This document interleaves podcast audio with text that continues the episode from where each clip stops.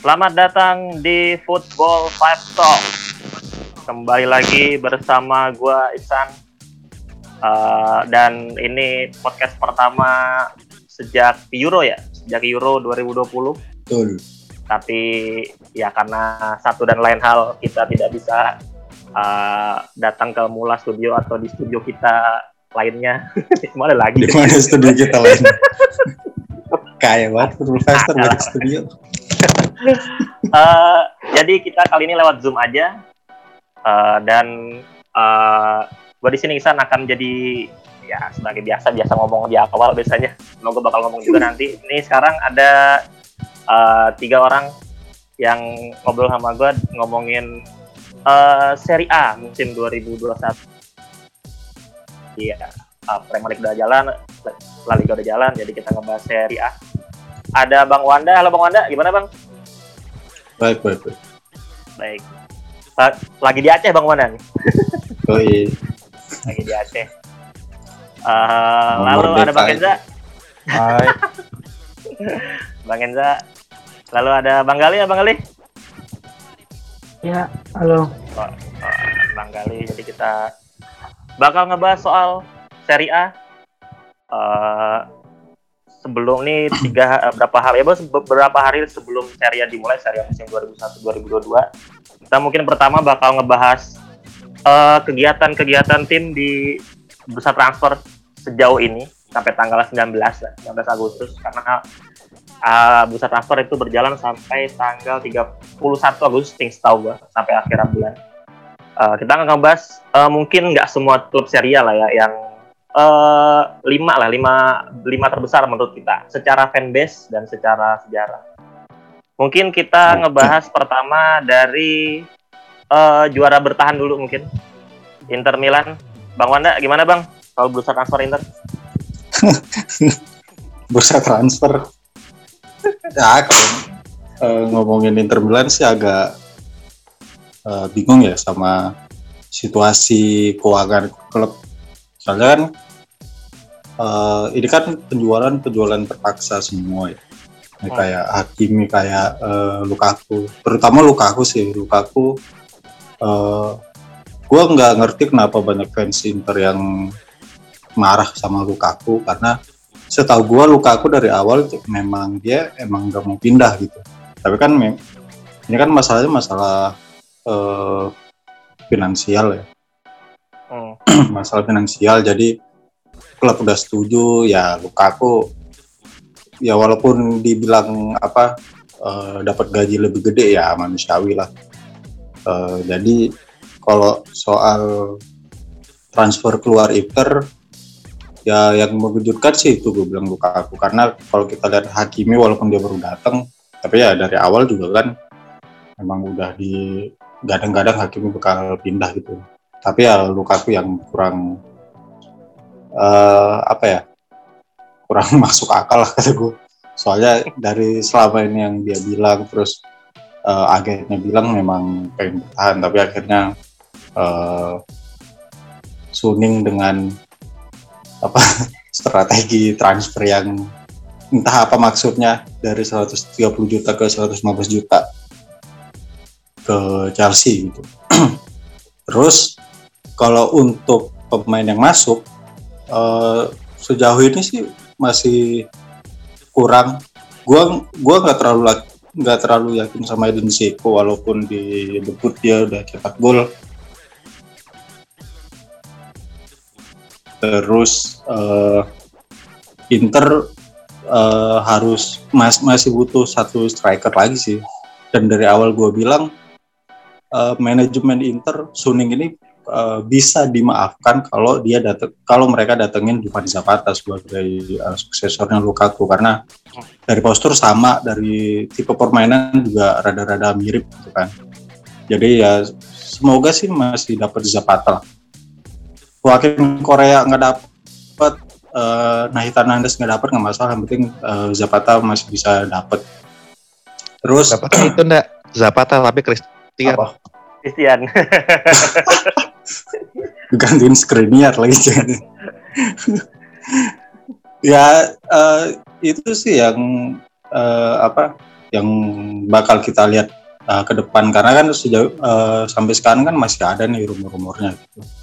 Jadi kalau untuk uh, pengganti Hakimi udah dapet nih Dumfries ya kemarin dia di Euro uh, udah oke okay. dan semoga sih bisa memenuhi ekspektasi ya apalagi dia masih ya masih cukup muda lah untuk uh, pemain apa masih hijau-hijaunya lah di di apa di uh, kancah Eropa gitu.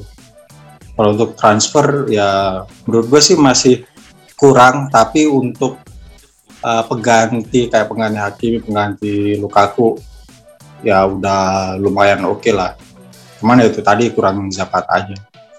Yang lain sih nggak perlu nggak perlu lah kalau kalau udah Zapata kayak apa si Korea nggak perlu lah karena udah ada Lautaro, udah ada Alexis Sanchez juga kan.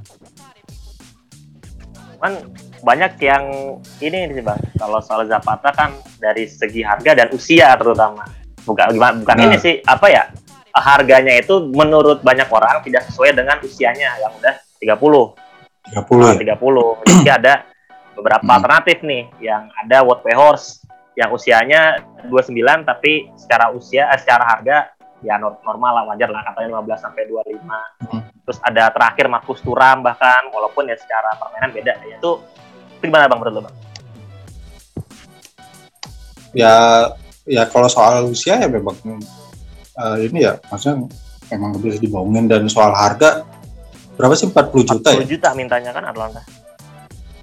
Ya 40 juta ya gua rasa sih untuk pemain kayak Zapata wajar lah uh, dihargai segitu. Dan kan Inter ini kan baru dapat duit gede ya dari yang, yang hilang dari... ke mana gue yakin itu duit ya benar.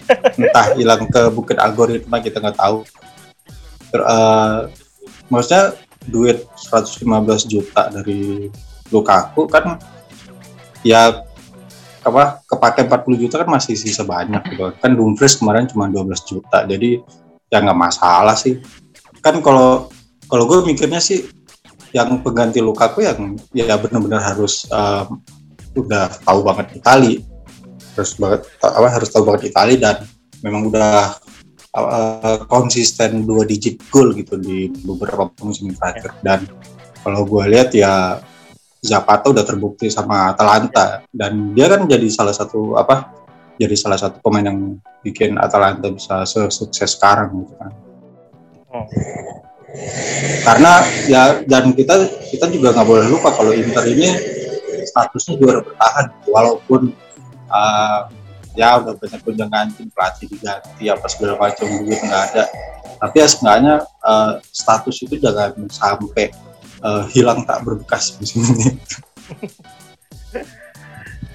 ya ya yang penting uh, masih ada waktu uh, berapa hari lah ya sekitar seminggu dua minggu lagi untuk uh, rekrut pemain buat Inter khususnya yang katanya nyari penyerang lagi. Uh, hmm. Lalu mungkin selanjutnya kita ke klub lain. Ya, jangan bahas Inter dulu karena ada dua intrisi di sini bisa lama masih ngomong. uh, gue ngebahas uh, rival kotanya AC Milan. Uh, mungkin ke ke Bang Galih gimana Bang soal AC Milan Bang bisa transfer?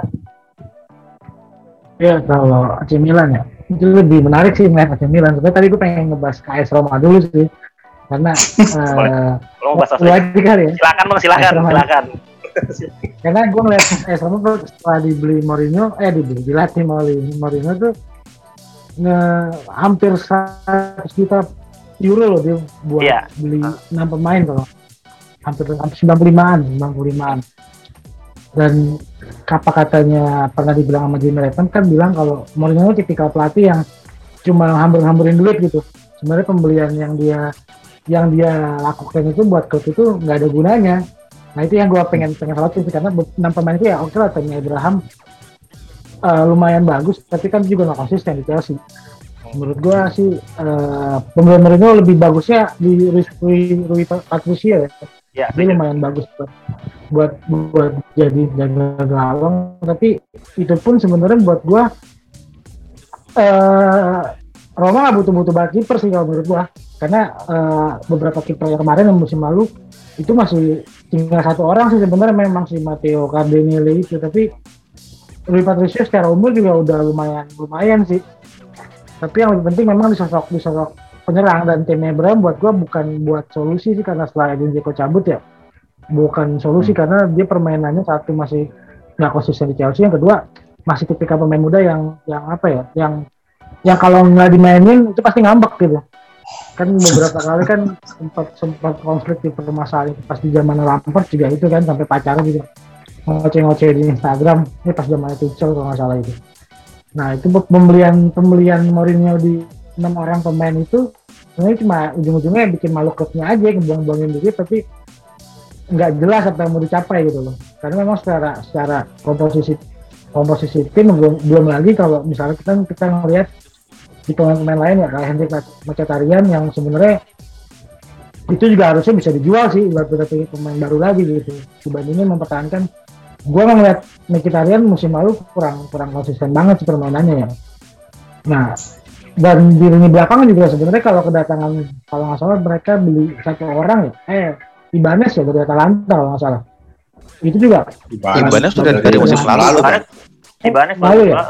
Cuman Hmm. cuma dia di permanenin, permanenin. Ya, Ah, di ini ya, permanennya ya. musim ini. 8 juta ya 8 juta kalau nggak salah Ya. eh 8,5 kalau nggak salah itu juga kurang kurang bagus sama terakhir pemain Palmeiras ya dari Uruguay ya siapa ya? Spina Matias Spina Ini mana Sina buat Mati- buat gantiin Spinazzola itu. Iya itu 13 juta pound sterling dibelinya gila juga gue bilang. Pas ngetoknya bisa 13 juta pound sterling. Ya ya tadi sih penekanan gue nih Roma nih di Mourinho nih kayaknya cuma ngambur-ngamburin duit bener apa kata Jimmy Redknapp. Ini kayak beli-beli pemain yang sebenarnya nggak sesuai dengan kebutuhan tim gitu. Dan gue yakin sih masuk empat besar Roma juga sulit. Gitu. Kalau dari gue di Roma ya kalau kan kurang gue memahami Mourinho nggak ngabisin dulu waktu ngelatih Inter aja bang. iya ya iya gimana sih Dia Iya, dia ngabisin Sisanya kan duit, iya. Mourinho, cuman jualnya juga banyak. Pas Matias Spurs juga nggak ngabisin duit. Gak ada duit soalnya. Iya. ada duit tapi eh, Enggak kalau di Spurs katanya dia memang mau bego-begoin Dani Levy. doang ya. Buat badannya lumayan gede juga ternyata sih di sana ya gajinya gitu. iya sih itu sih kalau dari Roma kasihan banget sih karena gue sih nunggu apa tim-tim kayak Roma Lazio itu di musim ini nih bisa bangkit lah. Capek juga masih Atalanta. Ya cuman emang Roma ini memang apa ya kayak barat menurut gue sih kayak kayak Arsenal musim ini mungkin di besar transfer. Dia tuh tim Iya. eh, jadi dia tuh kayak ini bang mau dia tuh mau beli pemain bagus cuman pemain bagusnya tuh nggak ada yang mau ke situ gitu. Nggak ada yang mau ke situ karena Iya, mereka iya nggak main di Eropa. Ya kalau Roma sih main di Eropa cuma Eropa nggak jelas kan yang itu kan. Ya, ujung-ujungnya si si Mourinho dan Roma mau nggak mau beli pemain yang yang ya biasa yang biasa banget. Yang biasanya cuman ya Iya. mereka mereka harus ngeluarin duit yang lebih gitu. Ah, kayak betul, su- betul, kayak betul. Smurodov itu di dari Genoa itu kan. Itu tinggi juga ternyata harganya iya untuk Oh, pemain under seumuran dia ya 20-an. iya untuk pemain Iya, dia ya. Anjir. Tapi lucu Lumayan kalau ngeliat Roma ya. Eh Nah, Murodov 20 juta mereka sanggup. Caka 20 juta mereka nggak sanggup. sama sih juga dan tar- musim lalu pas gue cek 8 gol doang sama Rodov itu di Genoa. iya Iya. di Genoa Itu tuh yang pun bagus si si yang itu bagus bagusnya waktu di jelang akhir musim doang. Jadi dia 8 Iya. golnya itu kayaknya hampir semuanya di Oh. paruh kedua deh. Baru kedua. Yang beli itu betul. harusnya Iuran Pantes. Pandai. Bang. Eh, Ah, ah, itu Roma nah mungkin gue buat ke Bang Kenza tinggal pilih aja bang lu mau ngomong mau ngomongin siapa bang Eh, Lazio kali ya, baru itu soalnya baru datengin Pedro. datengin Pedo ya baru aja nih pas Iya. buat podcast datengin Pedo Kalau gua ngeliat sih Lazio di bursa transfer ini ya itu ya kurang meyakinkan. Bentar. Soalnya mereka juga nggak itu banyak targetnya yang nggak dapet kayak Julian Brand nggak dapet. Terus kayak jadinya ujung-ujungnya beli Kelly Anderson, terus Chelsea Visage, sama ini terakhir Pedro. Pedo. yang mungkin sih ini ya gue ngeliatnya Pedro tuh dibeli karena uh, mereka belum bisa ngejual itu Jo- Joaquin Korea. Hmm, iya. dari Juni kalau nggak salah ya Korea tuh kan udah santer uh, dibilangnya mau ke PSG nggak jadi gara-gara PSG beli Messi.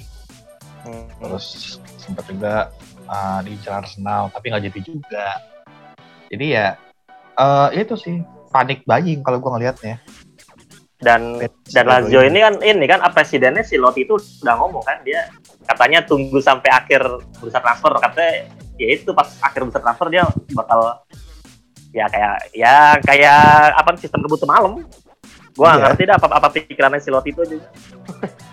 Ini juga masih banyak banget main-main yang yang apa ya? Bahasa Inggrisnya tuh Deadwood. Bahasa Inggrisnya gue nggak tahu apa. Ya kayak ya, pasti ya. Paham lah pasti. Jordan Lukaku bisa Messi terus eh Muriki itu loh anjir. Main jelek banget anjir gak bohong gua sumpah. Itu Muriki kan ya. sampai sampai di apa di mana di jelek-jelekin sama Ultras Lazio kan sampai si Mauricio Iya. Sarri turun tangan gitu. Iya menurut terang jangan eh, ledek melindungi si Vedat Muriki iya cuma nyata satu gol musim lalu. Itu pun gua inget golnya. Mendingan Kaisedo ke mana-mana iya kayak iya mending Kaisedo jarang itu main ya tapi sekali dia main bikin gol. Menit terakhir lagi. Mm-mm. Ya. Dan si Muriki lumayan itu dibelinya.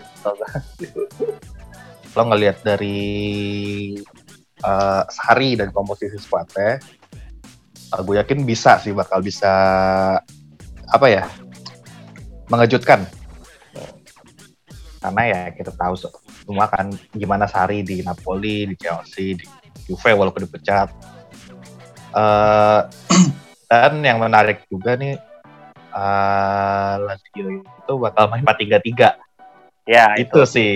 Setelah berapa tahun? 343 atau 352 kata akhirnya 433 itu sih yang eh, bikin gue penasaran sama Lazio. Kalau untuk Milan ah gimana ya? Meyakinkan juga sih sebenarnya. Walaupun lebih baik dibanding Lazio.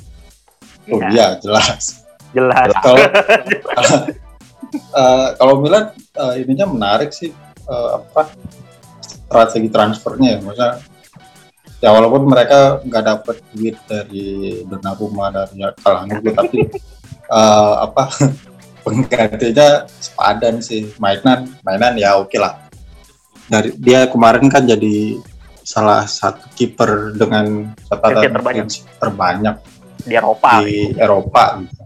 Jadi dan kemarin waktu uji coba lawan Madrid udah dibuktikan dengan menahan tendangan penaltinya Gerbel. Cuman Oh, penalti, penalti jelek itu penaltinya. ya emang darahnya yang jelek ya, bukan. iya, geser ke kiri. ya. Cuman mungkin yang ah yang gue sorotin dari Milan ini kenapa mereka melepas Auge. Ini wonderkid ini jago banget maksudnya. Gol-golnya juga asik gitu, gol-gol Serie A banget gitu. Tapi tiba-tiba dilepas ke Frankfurt. Jadi Frankfurt debut juga langsung itu langsung golin Iya langsung golin makanya. Padahal ah, di sisi lain pemain ya apa pemain penyakitan kayak Samu Kasili masih dipertahanin, Radik Kronik masih dipertahanin. Kan eh, ada apa ya maksudnya mak- eh, makanya gue bilang menariknya sembilan ya gitu mereka ada pemain yang bagus yang potensial tapi dijual, ada pemain yang cuman nyampah doang tapi dipertahanin gitu. Tapi di sisi lain ya bisa datengin mainan, bisa uh, datengin Giroud walaupun udah tua dan nggak tahu nih si Giroud ini bisa tandem sama si- siapa uh. Ibrahimovic apa enggak? Karena mereka kan sama-sama bisa, maksudnya bisa sebagai pemantul bola ke pemain lawan, apa uh, rekan yang lain kan? Ya kan kalau. Giroud main Milan itu cuy mainnya 10 pemain plus tembok ya kayak itu apa timnas Prancis ya. iya iya makanya itu nanti entah eh, Pioli eh, nggak Ya, gue yakin sih Milan bisa lebih baik dari musim lalu. Iya, lebih baik. Lebih ya lebih baik kalau juara kan ya? tengah musim. Juara paruh musim masih lah. Iya, habis itu kalah kalah kalah kalah Pioli dipecat. Ya, itu, buat Milan Eh, lalu terakhir jelas ada eh, ya eh, mantan juara atau mungkin ya bisa dibilang saing apa bukan saing apa yang difavoritkan juara musim ini ada Juventus ya, mungkin gua aja yang komen sedikit Eh, mereka itu ngerekrut dua pemain baru lagi baru ya. Kayo Jorge dari Santos sama Manuel Locatelli. Yang gue gue bingung gue gimana ya kalau si Lo- dari segi apa tuh eh, entah Juve-nya yang pinter ini harga atau Sassuolo-nya yang gimana gitu. Kan mereka awalnya minta 40 juta ya Sassuolo itu. Tiba-tiba mereka ngas eh, ngejual dengan harga gimana tuh ininya? Rempong banget 25 juta bla bla segala macam lah gitu. Gue juga ngerti kenapa cuman memang eh, mungkin karena faktor Locatelli-nya memang dari awal pengen ke Juventus jadi memang jadi itu di situ ada kelebihan Juve-nya. Dan ini jelas jadi bakal jadi kunci di lini tengah sih. Apalagi memang Juve itu eh, lini tengahnya memang dikritik musim lalu dengan pemain-pemain macam Rabiot lah macam Bentancur lah Arthur yang dibeli mahal-mahal. Kagak jelas lah. Malah McKennie yang yang menonjol gitu. Iya. yang lebih menonjol makanya. Eh, kalau kayak Jorge sih gue nggak tahu sih ya. Ini pemain kan harganya murah banget ya. Kenapa bisa murah banget ya? Ya, karena kontraknya mau habis kan. katanya mau habis. Cuman Kontraknya murah mau ah, habis cuma tiap hari. Dia, tiga juta apa? Ya memang sih dia maksudnya gue eh, biasanya kan kalau wonderkid Santos kan agak ya 10 juta lah minimal gitu. Katanya Iya. makanya gua ya makanya tiba-tiba wah, harganya kok murah banget. Dan mereka sempat bersaing sama Milan kan? Milan kalah gitu. Iya. dengan harga semurah itu. Ya gue masih nggak nggak tahu kenapa lah ya. Eh, tapi gue juga belum bisa komentar karena ya gue nggak gue nggak gue nggak pernah setiap main. Jadi ya mungkin tipikal striker Brazil ini mungkin sih menurut gue eh, terus gue nggak tahu apakah eh, Juve berniat menjual pemain-pemain ininya sih pemain-pemain yang kembali itu banyak loh kembali dari pinjaman kayak De Stiglio, Luca Pellegrini. Yang menurut gua malah dua fullback itu ya cukup krusial gitu melihat musim lalu Juve sangat kekurangan fullback.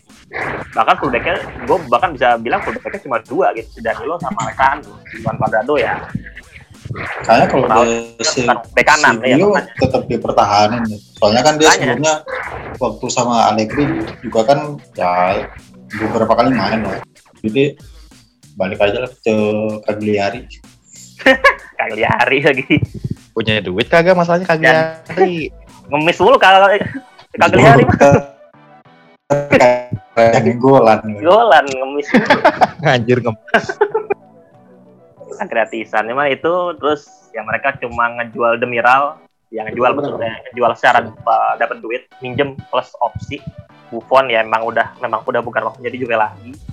Eh secara bursa transfer sih oke lah. Maksudnya bagi gua walaupun mereka nggak nambah eh, eh, nggak terlalu banyak nambah pemain maksudnya dalam tanda kutip beli pemain cuman sangat eh, krusial terutama untuk Locatelli sih.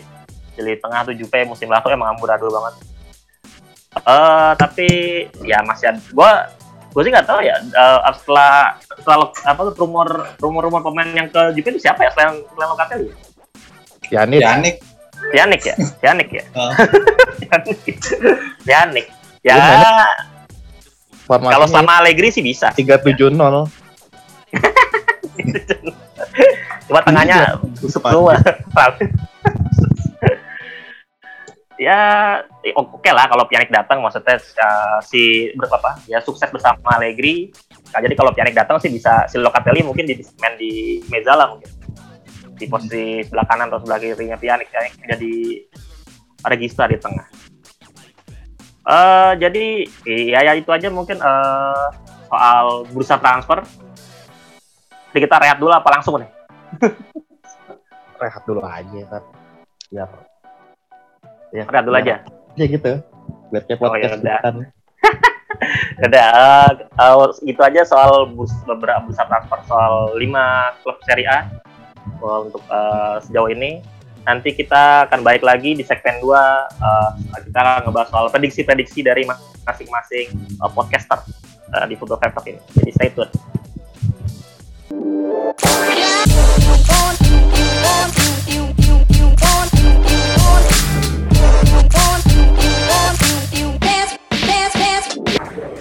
Oke, baik lagi di segmen kedua.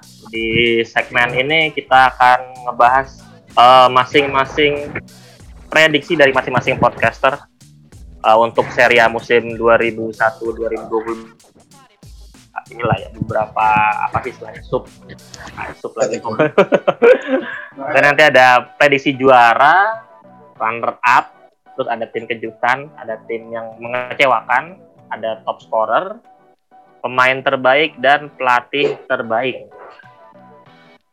uh, siapa dulu nih bang Wanda mungkin udah siap ininya Gua mulu dari Oh ya lu, oh, ya jangan lu dah. Lu, lu, lu kan dari pertama ya, lupa. Gua lupa gua. Bang Gali udah Bang Gali. Kemarin bikin ini daftar. Bang Gali.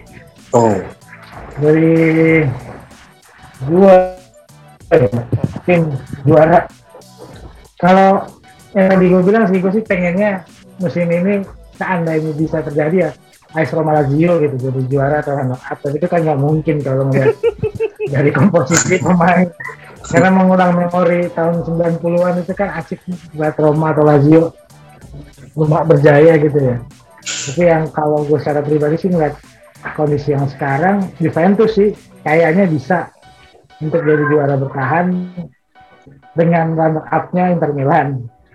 Kenapa gue runner, uh, Inter Milan jadi runner up? Buat gue Simone Inzaghi masih butuh butuh adaptasi ya. Dia dia dia ngelatih tim juara di mana para pemainnya ini udah bermental juara, sedangkan dia belum memiliki mental juara ya. Jadi Hmm. bisa dibilang ada faktor eksternal yang bikin akhirnya jadi nggak diturutin sama para pemainnya mungkin itu terjadi gitu. Kalau lihat dari Juventus, Allegri ini udah nyaman gitu, udah tahu, udah tahu A, B, C sampai Z lah gitu. Tetek bunga kayak Juventus sudah tahu.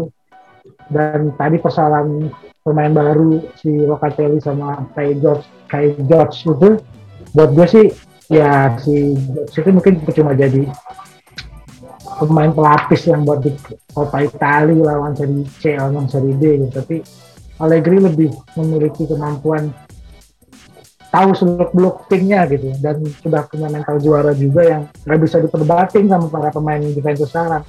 Jangan tadi kenapa gue bilang Inter harus jadi runner up ya persoalan Simone Inzaghi. Uh, nah tim kejutan gue sih berharap sebenarnya dari tim seri B yang bisa bisa jadi kejutan kayak Atalanta ya. Kalau Atalanta seri. Jelas jelas kalau seri B. maksud gue yang kayak musim musim lalu ketika dia naik terus tiba-tiba jadi tim kejutan dan sampai sekarang bisa bertahan Salernitana, Salernitana. tanah sebenarnya kalau ngelihat beberapa gue sih ngeliatnya minimal dia bisa bertahan aja ya di tanah ini. Ah. tapi uh, secara pribadi gue ngeliat uh, Roma masih bisa jadi tim mengejutkan sih dibandingin Lazio. Karena kalau ngeliat taktiknya Mourinho yang bisa mainin mental yang cuma nyebar-nyebar cywar gitu ke beberapa pelatih lain yang bisa bikin drop drop pemain lain. Bisa jadi jadi faktor eksternal juga itu buat Roma bisa jadi salah satu tim mengejutkan. Berharap kalau ngeliat Atalanta ya mungkin konsisten dengan keadaan yang keadaan yang kayak musim lalu. Dia akan terjadi jadi kita bisa ngelihat di tim-tim papan tengah siapa yang bisa ber- bisa bersaing gitu. Ya tadi tim tiga tim tadi. Terus dari tim mengejutkan tim mengecewakan gue sih belum belum apa ya, kalau kemarin gue bilang kalau nggak salah kemarin kan nyebut Inter Milan ya. Ya itu tadi karena Yap. faktornya dia jadi juara bertahan di runner up mana faktor Simone Inzaghi. Tapi itu bisa, dibilang bukan yang mengecewakan banget ya. Ah, gue nggak berani bilang mengecewakan dalam artian ancur-ancuran lah ya gue sih ngeliat di seri yang musim ini kayaknya lebih ketat sih lebih menarik dan lebih ketat gitu karena soal tadi transfer pemain kayaknya nggak ada yang wah-wah banget nggak kayak PSG gitu yang udah pasti siapa tim yang paling superior gitu jadi kalau di Itali kayaknya dari dari Mereka dulu. Ya udah Bang Kenza. Ininya Bang, prediksinya. Eh, bentar. Apa aja sih Cek, kategorinya? cek dulu. Catat. Iya. Juara. Hmm? Juara sih eh Juventus sih feeling gue. Karena Ya. Allegri dan lagi-lagi Ronaldo nggak walaupun udah 36 tapi ya masih masih going strong jadi feeling gue Juventus yang bakal juara untuk runner up-nya hmm gue sih pengennya Lazio atau Roma. Cuma setuju sama Bang Gali. Kayaknya susah kalau dua tim itu ada di empat besar terus. Jadi feeling gue sih yang runner up-nya uh, Inter. Tim kejutan Fiorentina. Ya karena Iya. setelah berkali-kali uh, apa ya gagal memenuhi ekspektasi semua orang tahun ini feeling hasil pertahanin Dusan Vlahovic Ah itu iya tuh disclaimer. nah iya Dusan Vlahovic itu kalau kalau bertahan ya mereka akan jadi tim kejutan Eh, tim mengecewakan boleh dua gak sih Apa-apa kan lu yang bikin Eh. daftar juga. tim mengecewakan antara Lazio atau Roma. Tapi gue masukin mereka ke tim ke kategori ini karena uh, ekspektasi gue tuh tinggi buat mereka.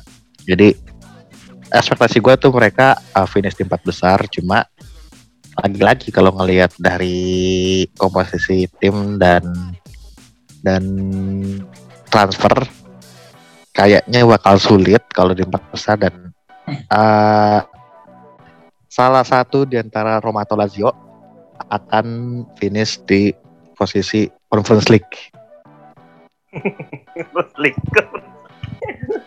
Antara satu itu Hmm. untuk top scorer uh, uh, Luis Muriel Luis Muriel. Eh, karena kita tahu Luis Muriel tahun lalu itu ya gila banget walaupun eh, nggak sering-sering amat Sering jadi main, starter ya. tapi iya tapi sekalinya dia masuk jadi main mengganti bikin gol kadang bikin hat bikin dua atau bikin hat trick nah eh, kalau Zapata seandainya beneran jadi cabut ke Inter otomatis Muriel akan dapat tanggung jawab yang lebih besar. Dan gue yakin dia bakal bisa apa ya mengemban tanggung jawab itu dengan baik. Ya bikin banyak gol intinya. Pemain terbaik?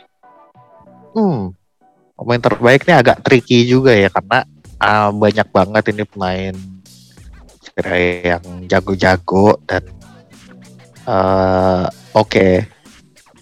Ah, feeling gue di pemain terbaik ini nggak jauh-jauh. Cristiano Ronaldo. Kalau dia bisa bawa Juventus juara. Ya. ya. Jadi dia pemain terbaik tapi nggak jadi top scorer gitu. Pelatih terbaik? Hmm, Allegri. Karena kita semua tahu kapasitas Allegri gimana berapa kali bawa Juve juara dan ya dia bisa menjadi sosok yang quote on quote menyelamatkan Juventus di Serie A. Kalau di Champions League masih nggak tahu kayaknya enggak sih. Udah itu kalau dari gue Bang Gali udah aman belum Bang Gali? tes udah belum? Ah, udah aman yuk. tadi gue di terakhir mengecewakan ya? Terakhir mengecewakan, mengecewakan. Di mengecewakan tadi dia kan top skor kalau top skor sih memang Ronaldo antara Ronaldo atau Immobile ya. Gue masih ngeliat dua sosok itu masih jadi jadi di striker ganas lah di seri di seri eh, musim ini gitu ya. Eh, kalau tadi kata Kenzo uh, jadi top skor musim ini terus lanjut ke pemain terbaik ya lagi-lagi CR7 karena kalau ngelihat perbandingannya dengan beberapa pemain yang bisa disejajarkan kayak Selatan atau Muriel tadi, terus Zeko, eh, Ronaldo masih punya kelebihan, masih punya kemampuan dan kayaknya dia kayak mau nunjukin juga mungkin ke publik soal persaingan dengan Messi di PSG sana yang kalau gue juga bisa jadi jadi jadi pemain yang musim lalu nggak dapat nggak dapat Scudetto dan keren di Liga Champions musim ini kayak mati-matian gitu karena ya apa Messi pun sendiri bilang dia akan coba nargetin Liga Champions Eh, liga lokal mungkin dikesampingkan sama sama Messi Ronaldo secara pribadi. Dua sosok itu kan masih jadi jadi jadi sorotan ya. Ronaldo punya motivasi ke arah sana buat Scudetto sama top scorer dan menjadi pemain terbaik. Apalagi Allegri Allegri yang latih gitu. Terus kalau pelatih terbaik eh, antara Allegri atau Mourinho sih karena gua fans MU jadi masih penasaran dengan racikan Mourinho di AS Roma. Gue berharap dengan tadi uh, pembahasan di awal soal AS Roma yang gila-gilaan itu dikritik di persoalan beli pemain yang nggak yang nggak berguna buat tim itu bisa jadi harusnya bisa jadi uh, cambukan sih loh ya karena kalau ngeliat dari gayanya Mourinho ini masih sebenarnya pelatih setelah berhasil di Inter dengan treble winner. Setelah itu gagal di MU uh, gue berharap dua pelatih tadi antara Allegri Allegri bisa jadi pelatih terbaik karena dia ngasih Scudetto atau minimal Mourinho bisa nembusin AS Roma ke empat besar dan dia layak sebenarnya kalau bisa bawa bisa jadi pelatih terbaik dengan AS Roma finish di empat besar. Itu sih di gue dari Bang Gali Bang Wanda? Uh, juara Juventus karena Allegri udah itu aja alasannya. Allegri uh, runner up Inter. Gue uh, sebelumnya nggak yakin Inter bakal runner up, tapi setelah uh, datangin Dumfries gue jadi yakin kembali. Uh, Inter bisa ya seenggaknya runner up lah. Karena ya balik lagi kayak tadi Bang Gali bilang ini Inzaghi kan pelatih baru ya Inzaghi walaupun di Lazio sempat uh, juara Coppa tapi kalau di kompetisi yang panjang kayaknya dia belum uh, terbukti lah. Apalagi Fiorentina sama Lazio. Uh, gue sampai sekarang walaupun kayak gimana pun uh, Sarri di Juventus dan di Chelsea kemarin gue uh, masih meng, apa ya, mengidolai lah permainan uh, cara bermainnya Maurizio Sarri ini dan gue rasa sih apa ya skema dia cocok sama para pemain Lazio dan yang menariknya kan Lazio ini kan uh, mereka walaupun nggak apa uh, transfer yang gak jor-joran tapi mereka masih bisa dan masih mampu mempertahankan pemain kunci kayak apa Milinkovic Savic kayak Luis Alberto, Jerome Bile gitu. dan itu jadi akan sangat menentukan sih nanti musim ini. Terus sama Fiorentina kalau tim kejutan. Uh, kalau Fiorentina sih ya gue setuju sama Kenza tadi tergantung sama desain Vlahovicnya bertahan apa enggak tapi balik lagi gue lihat Fiorentina sih itu punya sosok yang sangat apa ya sangat menarik dari segi permainan Vincenzo Italiano kalau kita lihat dari uh, pramusim ya walaupun lawannya klub-klub seri D klub uh, semi pro tapi kan menangnya gede mulu kan. Kemarin di Coppa Italia juga menang 4-0 kalau nggak salah. Dan itu bisa bikin apa ya uh, jadi awal barulah buat uh, Fiorentina sama si siapa? Italiano. Kalau untuk top score uh, Ronaldo. Gak ada gak ada yang meragukan itu kayaknya karena walaupun dia udah tua tapi dia masih apa ya selain konsisten cetak gol dia juga masih punya ego yang tinggi gitu dan itu sangat dibutuhkan untuk klub uh, untuk klub segede Juventus. Terus siapa, sih pemain terbaik, ya? terbaik. ya? Hmm. Pemain terbaik Manuel Locatelli. Anjay. Iya, lagi. Anjay. dia lagi prime prime-nya nih. Musim lalu sama Sassuolo lagi bagus, terus di Euro makin bagus, uh, semakin bagus terus musim ini ada menurut gue dia dapat uh, klub yang tepat sih Juventus uh, tepat untuk uh, Locatelli apalagi ya sama Allegri ya. jadi ya gue yakin dia dapat jadi pemain terbaik lah siapa lagi pelatih ya? pelatih terakhir pelatih Italiano dong Dong. sama uh, satu lagi yang mengecewakan Atalanta Mengecewakan belum ya? ya. Atalanta gua yakin mengecewakan karena mereka ini setelah musim-musim sebelumnya ini kayaknya mereka udah nggak kuat lagi dan itu kan sampai fans Atalanta kan juga ini apa protes ke si Bekasi kan jadi kalau gue lihat sih kehilangan banyak pemain inti sih bakal berpengaruh ke Atalanta karena kalau uh, Atalanta sejauh ini bagus konsisten papan atas kan karena keharmonisan tim ya. Hmm. Eh, mereka udah tahu sama-sama tahu udah mainnya main barengnya lama tapi sekarang tiba-tiba udah si Romero cabut, Golin cabut terus siapa lagi cabut ya itu bakal eh, krusial banget sih itu. Udah, udah semua lah ya, Le. Eh, penutup dari gua berarti ya. Eh semua sama sih, gua juara juga Juventus. Karena ya sekali lagi faktor Allegri sih yang jadi kunci. Walaupun gue sih nggak ini ya apa ya, gue sih nggak ngecek statistik segala macam ya. Setahu gue nih ya, Hmm. pelatih yang ngelatih di periode keduanya di sebuah klub di Serie A ya terutama itu sebenarnya nggak susah-susah amat banyak. Nggak gue atau kebanyakan mesti yang gue tahu tuh ada Mancini jelas di Inter, lalu Arrigo Sacchi dulu di Milan di di periode yang ah, periode kedua juga gagal. Terus siapa lagi? Spalletti, Fran- Spalletti Hmm? di Roma, Spalletti, Spalletti di di Roma. Roma juga, oh, Spalletti di Roma nggak sebagus di periode pertama. Terus ada Cesare Prandelli di Fiorentina juga menurut gua di Iya. dulu apa? Karena Prandelli do, per, Udah Prandelli habis 2000-an. ya udah. Iya, do. Pas di awal Fiorentina cepet ya, Fiorentina papan atas. Kemarin balik lagi, Liga Champion gitu ternyata gitu-gitu juga iya Fiorentina cepet masuk playoff Liga Champions apa gitu gitu. Makanya sih ada sedikit ada kutukan lah ibaratnya di situ, tapi gua tetap yakin sih apalagi dengan squad Juve yang kayak gitu. Runner up, nah ini gua setahu gue tadi semua jawab Inter. Eh somehow gua ngejawab eh, Milan. Ya kalau lo nanya Inter di mana Inter peringkat 34 lah. Eh kenapa gue jawab Milan karena satu dari dari semua dari tujuh tim yang finish musim eh, top 7 musim lalu itu kan cuma Milan yang gak ganti pelatih.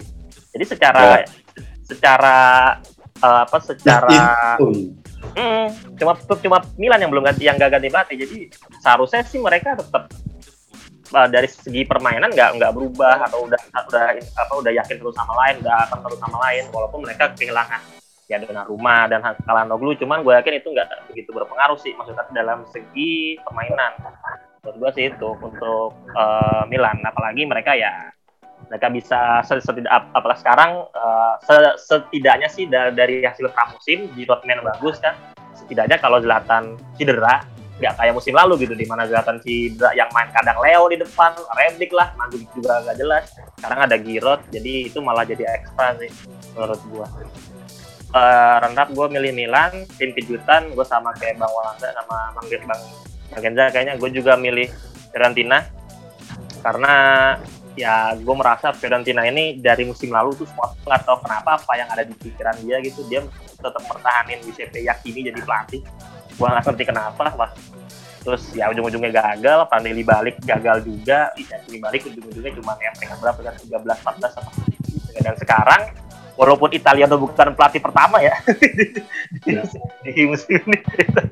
Cuman eh, malah gue lebih yakin sama Italiano malah daripada sama Gattuso karena gue bener-bener apa ya gue ngelihat beberapa pertandingan Spezia musim lalu ini tuh pelatih kayak mungkin dikasih tim yang lebih bagus tuh bakal bagus gitu. Maksudnya dengan lo dapat squad di the squad biasa banget di Spezia bisa main mainnya atraktif segala macam menurut gue uh, Fiorentina bisa mengejutkan sih. Lalu mengecewakan. Nah mengecewakan nih somehow gue ngejawab Lazio sih. Kenapa? Karena gue tuh merasa uh, Sari itu uh, pelatih yang harus dikasih kesempatan cukup lama menurut gue ya.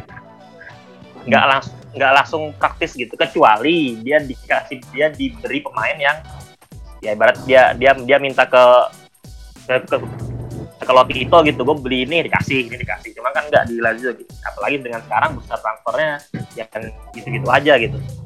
Dan apalagi uh, Lazio ini dia udah bermain dengan formasi yang berbeda 352 sekarang 433 dan cara bermain yang berbeda.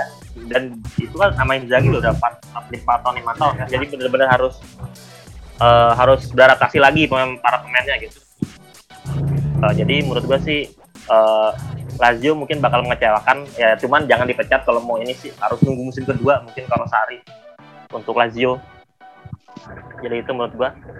Top scorer ya uh, pasti Ronaldo lah kalau ini sih. Gue pasti milih Ronaldo karena uh, penaltinya banyak satu. Gua Kalau Frank Casey jadi striker, gue udah Frank Casey dah serius gak bohong. Dan eh, Ro- Ronaldo top skor udah pasti nggak ya nggak no komen lah no komen. Untuk pemain terbaik, gue somehow gue milih Federico Chiesa. Eh, satu, satu dia ya har- eh, performanya musim dari musim lalu sampai di timnas Itali benar-benar on fire gitu.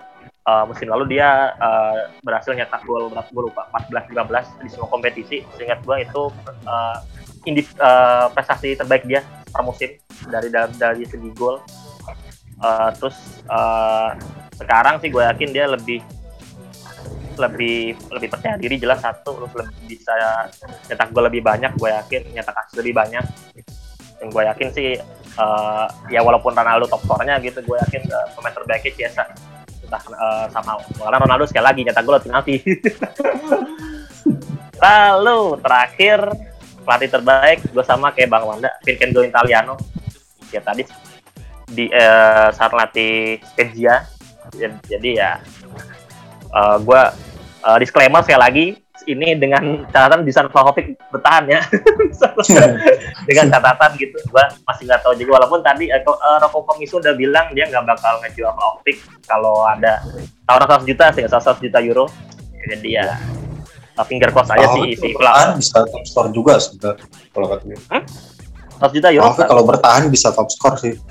Iya, makanya finger cross saya sih gue yakin uh, bisa Vlahovic kalau masih di situ bisa uh, top score segala macam bisa ya gue nggak tahu top score apa enggak tapi 20 gol bisa dapat dan Italiano pelatih di gelandang tengah ada Amrabat ada Pilih segala macam gue yakin.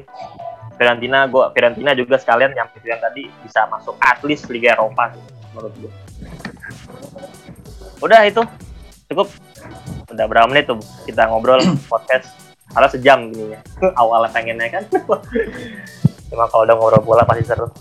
Udah cukup eh, gitu aja untuk episode kalian ini. Terima kasih buat Bang Wanda, Bang Gali, Bang Kenza udah menyempatkan juga, waktunya. Mas Ah, menyempatkan waktunya. Untuk untuk menyempatkan waktunya eh, apa podcast di Football Five Talk via Zoom. Eh, kita akan ketemu lagi di podcast berikutnya. Bye bye Ciao. Recording stopped.